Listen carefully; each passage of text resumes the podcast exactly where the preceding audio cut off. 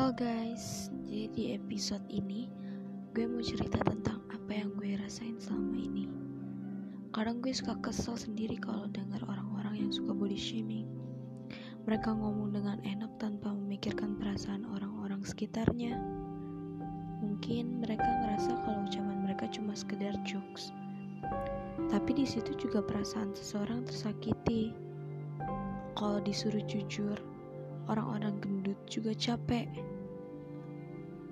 Gue juga belakangan ini banyak orang bicara gendut, gede, bagong, babon, atau apalah itu. Semua cara juga udah diusahain buat sabar. Di saat posisi gue lagi rendah-rendahnya, kalian bicara seperti itu, itu buat gue bener-bener nyakitin sampai beberapa hari gue mikirin ucapan kalian yang gak penting. Tapi secara gak sadar udah nyakitin perasaan gue.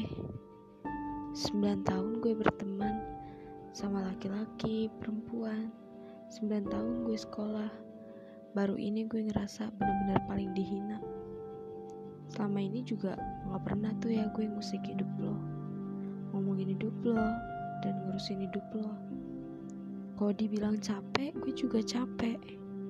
Gue juga udah coba buat selalu gak apa-apa, tapi gak bisa. Ucapan lo yang bener-bener nyakitin itu selalu datang di bayang-bayang gue. Jadi, sekarang stoplah tuh lu keluarin kata-kata yang buat orang jadi sakit hati ngedengernya. Mungkin saat diomongin begitu mereka terlihat biasa saja, tapi bisa saja sebenarnya dia merasa tertekan. Jadi buat kalian-kalian yang suka bullying-bullying teman kalian dengan kata-kata kalian yang nyakitin, stop body shaming. Karena secara nggak langsung tuh kalian udah nyakitin perasaan dia. Gak semua orang bisa nerima kata-kata itu. Jadi sebelum kalian berbicara, cobalah kalian pikirin dulu. Lagi pula manusia juga nggak ada yang sempurna. Mau dicari kayak apa pun, sampai kapan pun juga nggak bakal ada yang sempurna.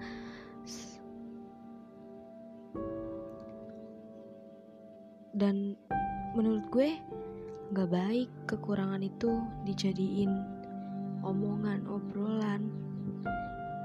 Kita sebenarnya kita tuh tahu kalau kalian itu cuma bercanda.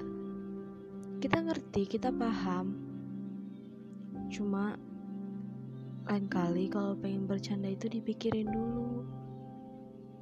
Gak semua orang bisa nerima kata-katanya. Dan gak semua orang bisa memaafi. Memaafkan mungkin memaafkan itu gampang. Mencoba buat percaya akan kata-kata itu yang buat mereka gak yakin itu lebih sulit.